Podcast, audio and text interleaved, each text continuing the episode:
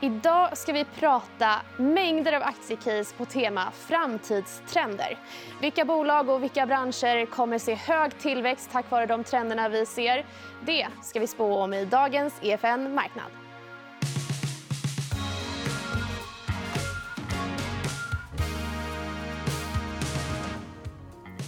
Ja, med mig i studion har jag Karl Lantz. Välkommen. Tack så mycket. Vi ska prata lite framtidstrender. Eh, är du optimistisk över framtiden? Ja, delvis. Mm. Mm. På vilket sätt? Nej, men jag tror att eh, vi kommer att se väldigt stora förändringar under de kommande åren. här. Eh, digitaliseringstrenden är fortsatt stark. Och vi får nya, många nya typer av tekniker kommer att göra att vi håller oss friskare längre och mår bättre längre tid i livet. Och kanske till slut att vi kan leva mycket längre. Just det. Och det här ska vi ta upp idag när vi ska gå igenom mängder av aktiecase som jag sa i introt. Vi ska prata lite e-handel, lite eh, biotech, vi ska prata lite hållbarhet och rymden. Jag tycker att det är väldigt intressant att analysera bolag efter trender. Eh, det är någonting som kanske är väldigt viktigt framför allt när man är långsiktig investerare. Varför skulle du säga att det är intressant att titta på trender? Nej, men det är ju avgörande att titta på trender för att eh, det, det, det, följer till exempel om vi tar när bilen kom. Den uppfanns någon gång på 1880-1890-talen. Mm. Och, eh, sen var det någon gång på 19, början på 1900-talet som man började massproducera den, T-Forden. Eh, men det var ändå inte så att de stora delar av världen hade fortfarande ingen bil förrän någon gång på kanske 1950-talet. Eh, även här i västvärlden. Då. Mm. Så att trender pågår under väldigt, väldigt lång tid. Eh, och man kan hoppa in i, i en trend. Eh, alltså man, man, behöver inte vara först på bollen, så att säga. utan eh, du, du kan gå in långt senare också mm. och ändå tjäna pengar på det. Så vad ska man tänka på när man investerar i, i trender generellt? Ja, man ska ju framförallt kanske inte hoppa på det allra mest hypade just nu då, utan kanske försöka hitta då, uh, nischspelare lite under, gärna.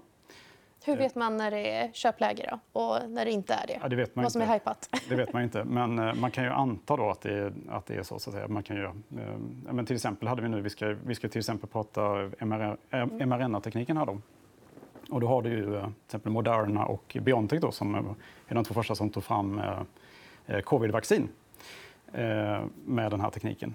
Men om man tittar lite under, under vegetationen då, så finns det ju exempel bolag som heter Maravai Life Sciences Eh, som, eh, som då äger patenten till eh, det här nukleinsyra då, som du behöver för att producera den här typen av vaccinen och alla typer av behandlingar då, som sen kan komma utifrån det här. Och, och det är till exempel ett bolag som jag själv tycker är intressant att äga. Mm. Som inte är fullt så då som Moderna och Biontech. Då. Och, och, det är ju en teknik som också är underliggande för andra typer av vaccin som skulle kunna komma senare. Så då köper man in sig lite i, i den trenden att det här är såna typer av vacciner som kommer att kunna användas i framtiden. Absolut. Den här tekniken har funnits ganska länge. Då. En 20-årsperiod i alla fall har den varit känd. Men det är först nu som det har nått ett genombrott. Då, kan man säga. Mm. Och eh, Biontechs vd då, till exempel, han säger att eh, inom 15 år så kommer 30 av alla läkemedel och behandlingar att vara baserade på mRNA i hans eh, teori. Då. Och jag vet att redan nästa år så kommer ju Biontech att börja testa ett vaccin mot malaria då, som man inte har lyckats ta fram på traditionell väg. Mm. Eh, och man pratar även om ett vaccin mot hiv. Eh, och båda de här sakerna skulle ju vara liksom enorma förändringar för stora delar av världen, då, framförallt Afrika, mm. om det lyckades. Mm. Eh, mm. Och, och Biontech som ett aktiecase, då, de såg ju en otrolig tillväxt där när corona kom och eh, när de fick igenom sitt eh, vaccin. Eh, men sen dess har det gått sämre för dem. Är det en aktie som kommer eh, hämta sig. Alltså. Det bygger mycket på om eh, de då lyckas med de här vaccinen. Och, eh, det här, Biontech är egentligen ett cancerforskningsbolag då från början. Mm. Eh, alltså de, de vill använda mRNA-tekniken för att ta fram cancerbehandlingar. Eh, men där är man lite mer, det är lite mer riskfyllt att köpa den typen av aktier. För det, är ändå, det finns ju ändå många bolag som har misslyckats med att ta fram till exempel nu då covid-vaccin med mRNA-tekniken också. Mm. Eh, så där tar du lite högre risk. Jag skulle säga att om du, om du till exempel köper bolag som Maravi, då, då, då har du ändå någon form av... Alltså någon kommer ju att lyckas så att säga, eh, inom några olika typer av behandlingar. Mm. Och då, då har du ändå nytta av det eh, den vägen. Så att säga. Vi har en Twitterfråga som jag skulle vilja ta upp som är väldigt intressant när vi pratar om trender i början. Ehm, vilka är de säkraste trenderna som du ser? Och har du eh, några starka case på de teman? Det ska vi gå igenom senare. Men framför allt kanske, vilken hänsyn kan man ta till teknikrisker att trenden slår igenom en bolaget i fråga slås ut? Och det är på just det här temat med mRNA eh, och Biontech kanske. Ehm, hur ska man tänka kring en trend om att, som mRNA, att det kommer vara stort framöver men att eh, bolag som Biontech kanske inte lyckas med det här, förutom då eh, till exempel Maravai? Ja, precis. Man ska, man ska vara försiktig då med, med där bolag verkligen tar en risk så att säga, på det sättet. Eh, utan mer då kanske söka sig ner till lite grann i undervegetationen och se vilka som verkligen kommer att tjäna pengar på det här. Mm. Som till exempel, då, om vi tar ett jättestort exempel som eh, digitaliseringen. Då, eh, som är den övergripande jättestarka trenden i samhället. Eh, där har vi Microsoft då, som eh, ja, oavsett vad som händer egentligen så kommer Microsoft att fortsätta att tjäna pengar. Mm. Eh, så att det är Microsoft, äger Microsoft helt enkelt. Då behöver du inte tänka så mycket. Mm. Och ändå ta nytta av trenden. Vi ska prata lite om Microsoft och framförallt för att vi ska kika tillbaka lite i tiden och kolla mm. de tio högst värderade bolagen för tio år sedan. Just det. Ehm, och de har vi där. Ja. Och där är ju Microsoft på plats fem. Ehm, de är ett bolag som har hållit sig starkt ganska väldigt länge. Men om vi kollar på 2011, just, vad är det för trender som, som formade den tiden? Ja, men här ser du fortfarande att du har tre stycken oljebolag med på listan. Mm. Um, Exxon Mobil, PetroChina och uh, Royal Dutch Shell. Och oljebolagen, eh, trots att oljepriset har stigit väldigt mycket nu så är ju de väldigt, väldigt långt ifrån att vara med på tio topplistan över världens mest högst värderade bolag. Just det. Du har ju till exempel även eh, Nestlé då med här. De är, också, de är kanske med på 100-listan fortfarande. Um, IBM är långt ner. Men, eh, och de som fortfarande är kvar då är ju Apple Microsoft. Uh, som, och det är ju digitaliseringstrenden helt enkelt. Mm. Och att de har då varit, lyckats med sin innovation helt enkelt. Mm. Och, och stanna kvar på den listan. Och jag menar, det är många bolag här som skulle kunna ha digitaliserat sig och kunna, hade kunnat följa med i den här utvecklingen. Om vi kollar då på de högst värderade bolagen idag. Eh, där, precis som du säger så ligger Apple och Microsoft kvar men det är även andra bolag inom digitalisering. Men om man liksom försöker snöa ner sig, eller grotta ner sig lite i vad det faktiskt är som har gjort att de här har stannat. Är det att de har eh, varit innovativa nog medan de andra bolagen inte har varit det? Jag skulle säga det, i alla fall när det gäller Microsoft, att de har ju varit väldigt tidiga på molnverksamheten till exempel, mm. som är då varit deras stora tillväxtko här. Sen är de väldigt pigga på att köpa upp eh, konkurrenter. Mm. Så direkt när de ser något att de inte har det, så, så tar de in det. Eh, så de har varit riktigt på tårna. Och det är ju lite samma med Apple, att de är, har varit på tårna och de ligger i framkant. Och, så jag tror inte det är en tillfällighet att de är kvar på den här listan. Så att säga. Utan de, Eh, och sen är det också intressant att se vilka... Alltså all, I princip alla bolag här har ju någonting med digitalisering att göra idag. Mm. Eh, du har ju till exempel Tesla med nu på plats 6. Då. Eh, ja. Sen har du ju Alphabet, Amazon, Meta, då, Facebook. Nvidia, halvledartillverkaren, har kommit in på plats 10 Just efter en enorm uppgång. Då. Och sen Tencent, det enda kinesiska bolaget. Det är intressant också att de kinesiska ja. bolagen har halkat efter här. Mm. Vi ska prata lite om halvledare senare, men låt oss börja med Meta. Det är väldigt intressant. De har bytt namn och de ska göra mycket mer än bara Facebook. Det ska vara ett nätverk. Mm. Eh, vad tror du om Meta? Jag tror eh, att eh, Zuckerberg är väldigt, väldigt skicklig. Han har varit duktig på att förutse många trender väldigt tidigt. Jag tror att han ligger helt rätt boll den här gången också. Det är väldigt, väldigt många som har skojat om det här, att mm. de byter namn och det finns massa kul grejer på, på Twitter och så Men jag tror att han att det här kommer att lyckas. Mm. Så det... att jag själv har, tar rygg på det i alla fall. Ja. Det har varit mycket prat om eh, eh, privat, eh, privat säkerhet och privacyfrågor kring Facebook. just. Är det någonting som du tror kommer påverka eh, aktien också? Eh, långsiktigt eller är det någonting som de kommer... Jag tror, att, jag tror så här att man har ju eh, det är lite så att som, som marknadsförare så kan du inte undvika Facebook. Mm. Det är världens största marknadsföringsplattform eh, med över 3 miljarder användare. Så att om du ska marknadsföra en produkt, vad det än är, så måste du vara, finnas på Facebook. Eh, och jag tror inte att, eh, att Facebook kommer att slå sönder av regulatoriska krav. Mm. Det är möjligt att de ställer högre krav. De tog bort det här med ansiktsigenkänning igår till exempel. Eller mm. sa att de inte ska spara de mm. filerna. Mm. Så det kan ju bli såna, såna saker kanske. Men jag tror att, och Facebook är ganska lågt värderat idag. Sen kommer de då satsa väldigt mycket. De ska satsa 10 miljarder dollar då på det här Meta. Mm. På det nya internet. Då. Mm. Men jag, jag lyssnade faktiskt på hans prestation här idag. Ja. Och, eh, jag, jag, var övertygad, det jag hade läst redan innan, men när jag lyssnade på den presentationen så blev jag väldigt fukt. Det är så här, ja, det här kommer ju definitivt att bli det stora. Liksom. Ja. Så den underliggande efterfrågan och att de har någon form av monopol nästan på annonsering är det som kommer driva tillväxten i bolaget? Den ekonomiska tillväxten också, antar jag? Ja. Mm. Sen är det klart att Microsoft är också en konkurrent här. Då, faktiskt. Eh, men samtidigt är ju Microsoft eh, mer inom businessvärlden. Då. Så det är mer corporate. Att eh, de ska införa ungefär samma sak fast inom sitt program Teams. Då. Medan Facebook då är mer att, att privatlivet ska finnas på, i metaversioner. Då. Just det. Och Microsoft har ju funnits väldigt länge och de har ju fortsatt innovera sig. Även om många kanske föredrar Zoom över Teams och tycker att Microsoft är lite gammalt ibland. Tror du ändå att de kommer hålla sig starka? Eh, om man kollar på liksom, vilka bolag tror du finns med om tio år ytterligare? Jag är nästan säker på att Microsoft kommer att finnas med på den listan om tio år också. Mm. Just för att deras position är så enormt stark. Det där är liksom spindeln i hela digitaliseringsnätet. Mm. Vilka fler bolag tror du att vi kommer se? Eller vilka trender tror du kommer vara starka om tio år? Om vi kollar på den här listan igen. Alltså jag tror att uh, Alphabet är kvar. Mm. Uh, jag tror att uh, Amazon är kvar också faktiskt. Ja. Hur kommer det sig då?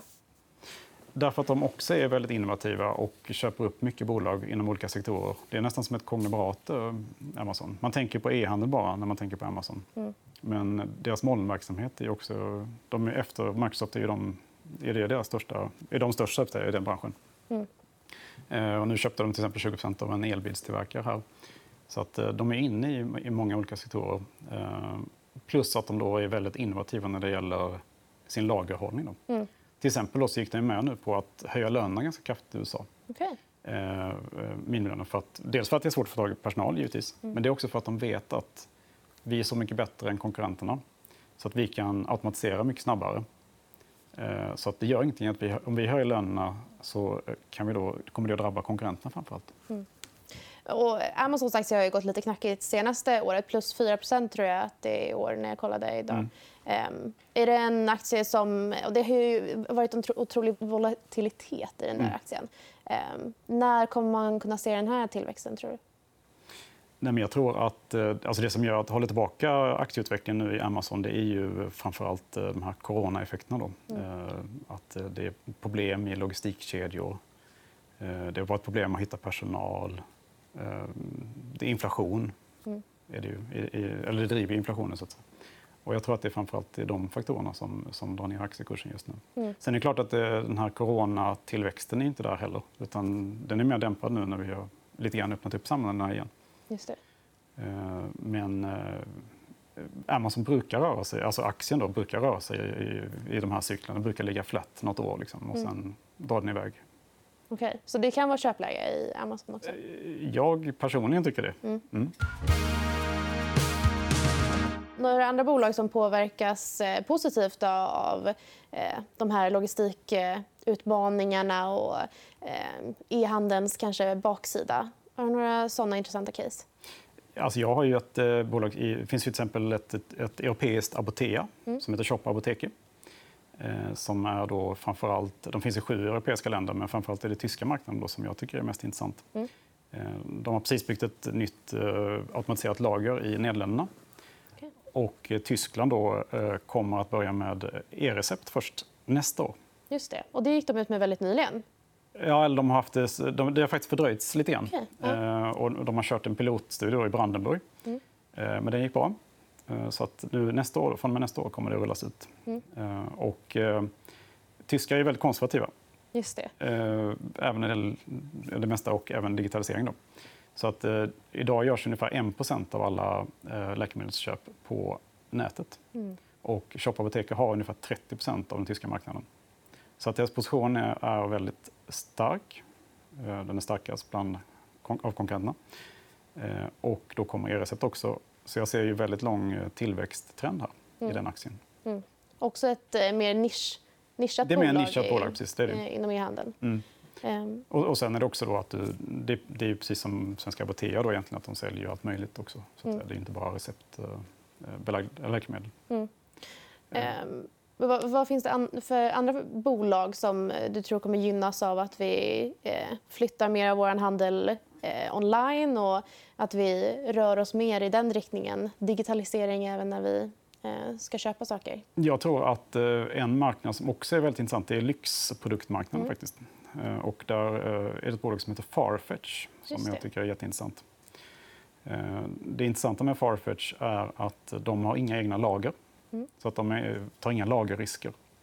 De eh, hyr ut eh, kläder, är det så? Det gör de nog också. Ja. Ja. De säljer också. Ja, de säljer också. Mm. Mm. Men eh, det här bolaget, eh, den lyxproduktmarknaden då, har haft, har haft väldigt låg penetration när det gäller eh, eh, e-handel. Mm. Så att, där finns förmodligen väldigt mycket tillväxt att ta just när det gäller lyxsegmentet. Då. Och vi pratade tidigare lite om det här buy now, pay later-trenden som är up and coming. Mm. Eh, det finns ju några spännande bolag eh, i Sverige, men också i USA. Eh, Affirm är Klarnas största konkurrent, skulle man väl kunna säga. Ja. Eh, det är ett bolag som har pratats mycket om, eh, som har haft en väldigt hög tillväxt på de senaste månaderna. Ja. Ett, eh, är det en trend som, vi, som är här för att stanna, som kommer fortsätta eh, ha en hög tillväxt? Eller vad tror du om bolag som Affirm? Ja, det tror jag definitivt. Det är ju verkligen trenden. eh, Och där har ju faktiskt Sverige varit före då resten av världen med Klarna. Mm. Det brukar ofta vara tvärtom, att trender kommer från USA eh, först. Eller att de uppstår där först och kommer till oss sen. Men, men här är det lite tvärtom faktiskt. Eh, när det gäller Affirm då, så är det ju grundat av en eh, Paypal-stjärna eh, som anses vara väldigt duktig. Då. Mm. Och sattes på börsen här i början på, på året. Och, och aktien var väldigt, väldigt håsad. Då. Eh, sen föll den tillbaka ganska mycket. Eh, men nu har den tagit fart igen. Då. De eh, visar, visar ju enorm tillväxt. Alltså det är ju eh, det är liksom över 100% tillväxt eh, kvartal mot kvartal. Då. Eh, och eh, nu dessutom fick de ett avtal med Amazon här. Så att eh, den kommer bakas in då i Amazons eh, eh, sajt. Mm. Eh, Så att aktien har gått ganska starkt där på sistone. Den jag tror den är uppe liksom 160 procent någonting på tre månader. Och sånt. Mm. Eh, Så att, eh, jag vet inte om det kommer fortsätta så starkt, det tror jag inte. Men eh, det är i alla fall en trend som är väldigt, väldigt stark och som jag tror kommer att fortsätta tills kanske marknaden regleras av myndigheter. Mm. Det kan man ju tänka sig att det till slut kommer något sånt. Ja, det är ett sånt där bolag som man blir nästan lite rädd över att eh, förväntningarna är inbakade i priset. Och, Ja. ehm, att det kanske är så att den, eh, det finns väldigt mycket förhoppningar kring ett bolag som Affirm. Ja, så är det. Så är det. Mm. det är ju hög värdering. Ett annat eh, intressant bolag som vi har pratat tidigare om och som jag vet att ni har tagit upp eh, på Placera det är ju Palo Alto. Ja. Ehm, som också är ett sånt där bolag som har haft en otrolig tillväxt de senaste månaderna. Mm. Kan du berätta lite, vad gör Palo Alto? Ja, Det är IT-säkerhet. Då. Det är också en sån här jättetrend som jag tycker att man ska vara investerad i. Särskilt under de kommande tio åren som jag tror att det kommer att behöva investeras otroligt mycket i den trenden. Se bara på, vi hade ju Coop här i Sverige till exempel. Där de kunde inte ta betalt under, under nästan en vecka. Va? Just det. Eh, Men, eh, och Palo Alto kan man säga, det är, det är väl lite som Microsoft fast inom IT-säkerhet. Då. Marknaden är ju inte speciellt konsoliderad just inom IT-säkerhet utan det finns väldigt, väldigt många bolag. Mm. Men Palo Alto köper, köper upp väldigt många bolag och, och har då ett helhetserbjudande faktiskt. Men eh, ska vi grotta ner oss lite i någonting som är längre ifrån oss, nämligen rymden. Eh, bokstavligen längre ifrån oss. Eh, många pratar om Elon Musk och Richard Branson, att de kommer med sina nya ehm, ja, rymdfarkoster kan man väl säga, som ska ta oss turister upp i rymden. Eh, vad finns det för intressanta bolag eh, när, vi, när det kommer just till trenden vi rör oss mot rymden? Ja, men dels är det den här typen av rymdturism då, som du pratar om.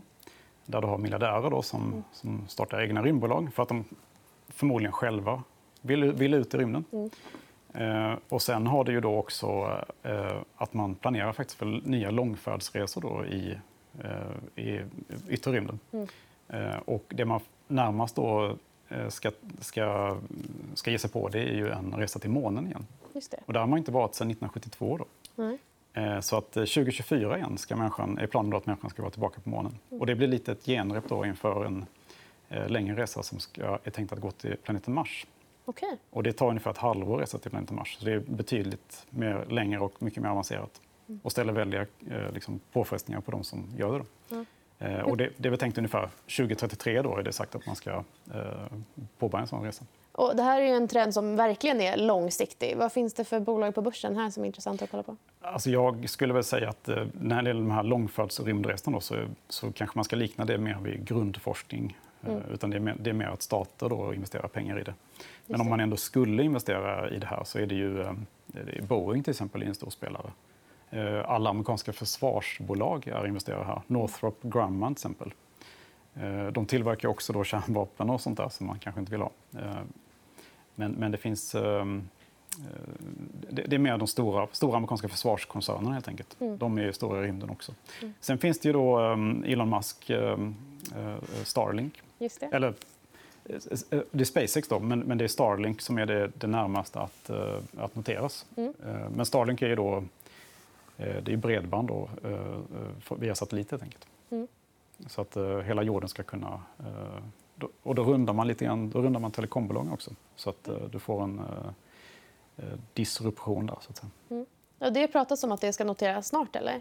Ja, det är det. Va? Mm. Och hela SpaceX värderades ju nu till 100 miljarder dollar. faktiskt. Mm. Och då har de ändå... Men de har byggt mycket, men de har inte tagit sig så långt. Eller? Nej, de har ju hjälpt till med transporter till ISS. Då. Mm. Eh, och de är ju en stor underleverantör till Nasa faktiskt, eh, inför de här eh, månmissionen då igen. Mm. Mm. Så att det är väl han som är närmast då, kan man säga, de här rymdköttgrytorna, då, om, man ska säga, om det finns några sådana. Just det. Av de här miljardärerna i alla fall. Om vi tar oss lite lägre ner i luftrummet, då, som flygbolag och liknande. Vad är intressant i det spacet? Alltså, trendmässigt här är det ju att vi går mot eh, ett mer grönt flyg. Mm. Eh, vi måste ju, man måste ju förhålla sig till det. Eh, och dels handlar det då om mer gröna bränslen. Och man, man, man tror ju på lite längre sikt, här, om vi säger 10-15 år framåt, så kan vi få de första vätgasdrivna planen. Just det. det har till exempel nu ett um, samarbete mellan Airbus och uh, Plug-in, Plug Power, förlåt, mm. Uh, som är då ledande i USA på, på uh, bränsleceller och, vätgas. Och vätgas kan då ersätta bränslet som vi har idag helt? Ja, men det måste framställas, för att det ska vara klimatneutralt måste det framställas på, på ett grönt sätt. Mm. Eh, och där har du norska bolag, till exempel NEL, som är en, en stor producent av detta. Hur långt bort är det här, tror du? Alltså Airbus själva säger ju att det första kommersiella planet ska säljas 2035. Mm. Så det är inte speciellt långt egentligen mm. för att ta fram en helt, eh, helt nytt plan. Vi ska runda av med en Twitterfråga eh, som kom här och lyder om du bara fick välja en framtidstrend att vara investerad mot, vilken skulle det vara? Alltså det mest spännande, alltså det är, mRNA är ju väldigt spännande i alla fall. Mm. Så att eh, jag skulle nog eh, just nu välja just den faktiskt. Mm. Um, vi ska också se om vi kan eh, sammanfatta lite dagens samtal. Och, eh, vi gör det genom att eh, vi väljer ut några favoritaktier eh, baserat på det vi har pratat om, men också om det var någonting som du, vi inte tog upp. Vad, vad tycker du är mest spännande just nu om du bara fick välja några få? Eller vad har du precis eh, nyligen köpt kanske? Eh, ja, jag har eh, precis nu köpt Charles River Laboratories mm -hmm. som då sysslar med... Alltså när, när life science-bolag vill testa sina läkemedel så, så sköter de det åt dem. Så att säga. Okay. Mm. Och den gick ner lite grann på rapporterna, så den har jag handlat. Mm. Jag, ja, jag har handlat i Paypal, för jag tycker den har tappat rätt mycket här. Mm. Jag tror att den går ner ihop med att e-handelsbolagen har fallit lite. Just det. Sen har jag givetvis köpt Meta också. Mm. På, den har gick ner en hel del in, inför den här lanseringen. Ja. Sen har den lite grann gått tillbaka igen, men den har jag handlat. Jag har köpt ett bolag som heter Global E Online, som okay. är ett israeliskt bolag. Okay. Som, om du vill starta en e-handelsfirma till exempel, då kan de fixa så att du kan sälja runt hela jorden med en gång. Mm. Med allt, du får allting. Du får buy now pay later-lösningar också. Allt är klart. Bara. Okej. Och leverans är klart. Det, det är bara att börja, börja köra. Liksom. Så verkligen en sån e-handels-enabler. Exakt. Mm. Men det är, den är ju ganska tidigt stadium. Då. Den har ju gjort en IPO i USA. Mm. Men, eh, men det är ändå, där kan teoretiskt finnas väldigt mycket tillväxt. Mm. Um, jag köpte Guardant Health som är då världsledande på blodscreening-tester. Okej. eh, som eh, tappade lite. Och de eh, ska göra bättre ifrån sig än de här Theranos som Ja, det hoppas jag. sämre? Det, tror Ja. jag. De, de, det här tror jag inte är, är, är... Det hoppas jag verkligen. De har kommit lite längre kanske. Ja. Mm. Men om jag, om jag ska ta det jag kanske tror mest på nu, som jag redan äger, då, så tror jag att uh, Uber tror jag är väldigt bra. Mm. Eh, det tror jag är en sån återöppningsvinnare. Då. Ja.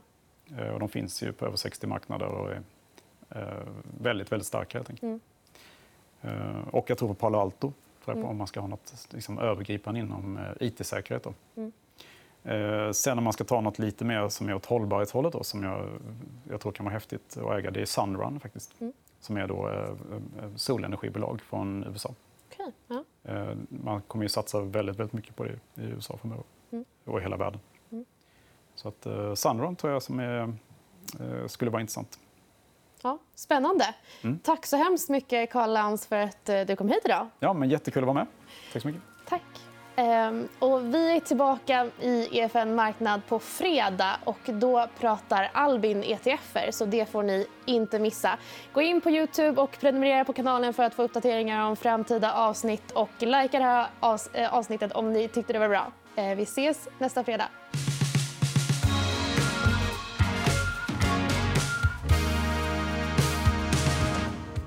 EFN Marknad är en podcast från EFN Ekonomikanalen. Ansvarig utgivare är Anna Fagerström. EFN finns även som app. Där hittar du alla våra videoinslag som hjälper dig att göra det bästa av din ekonomi. Du hittar appen i App Store och Google Play.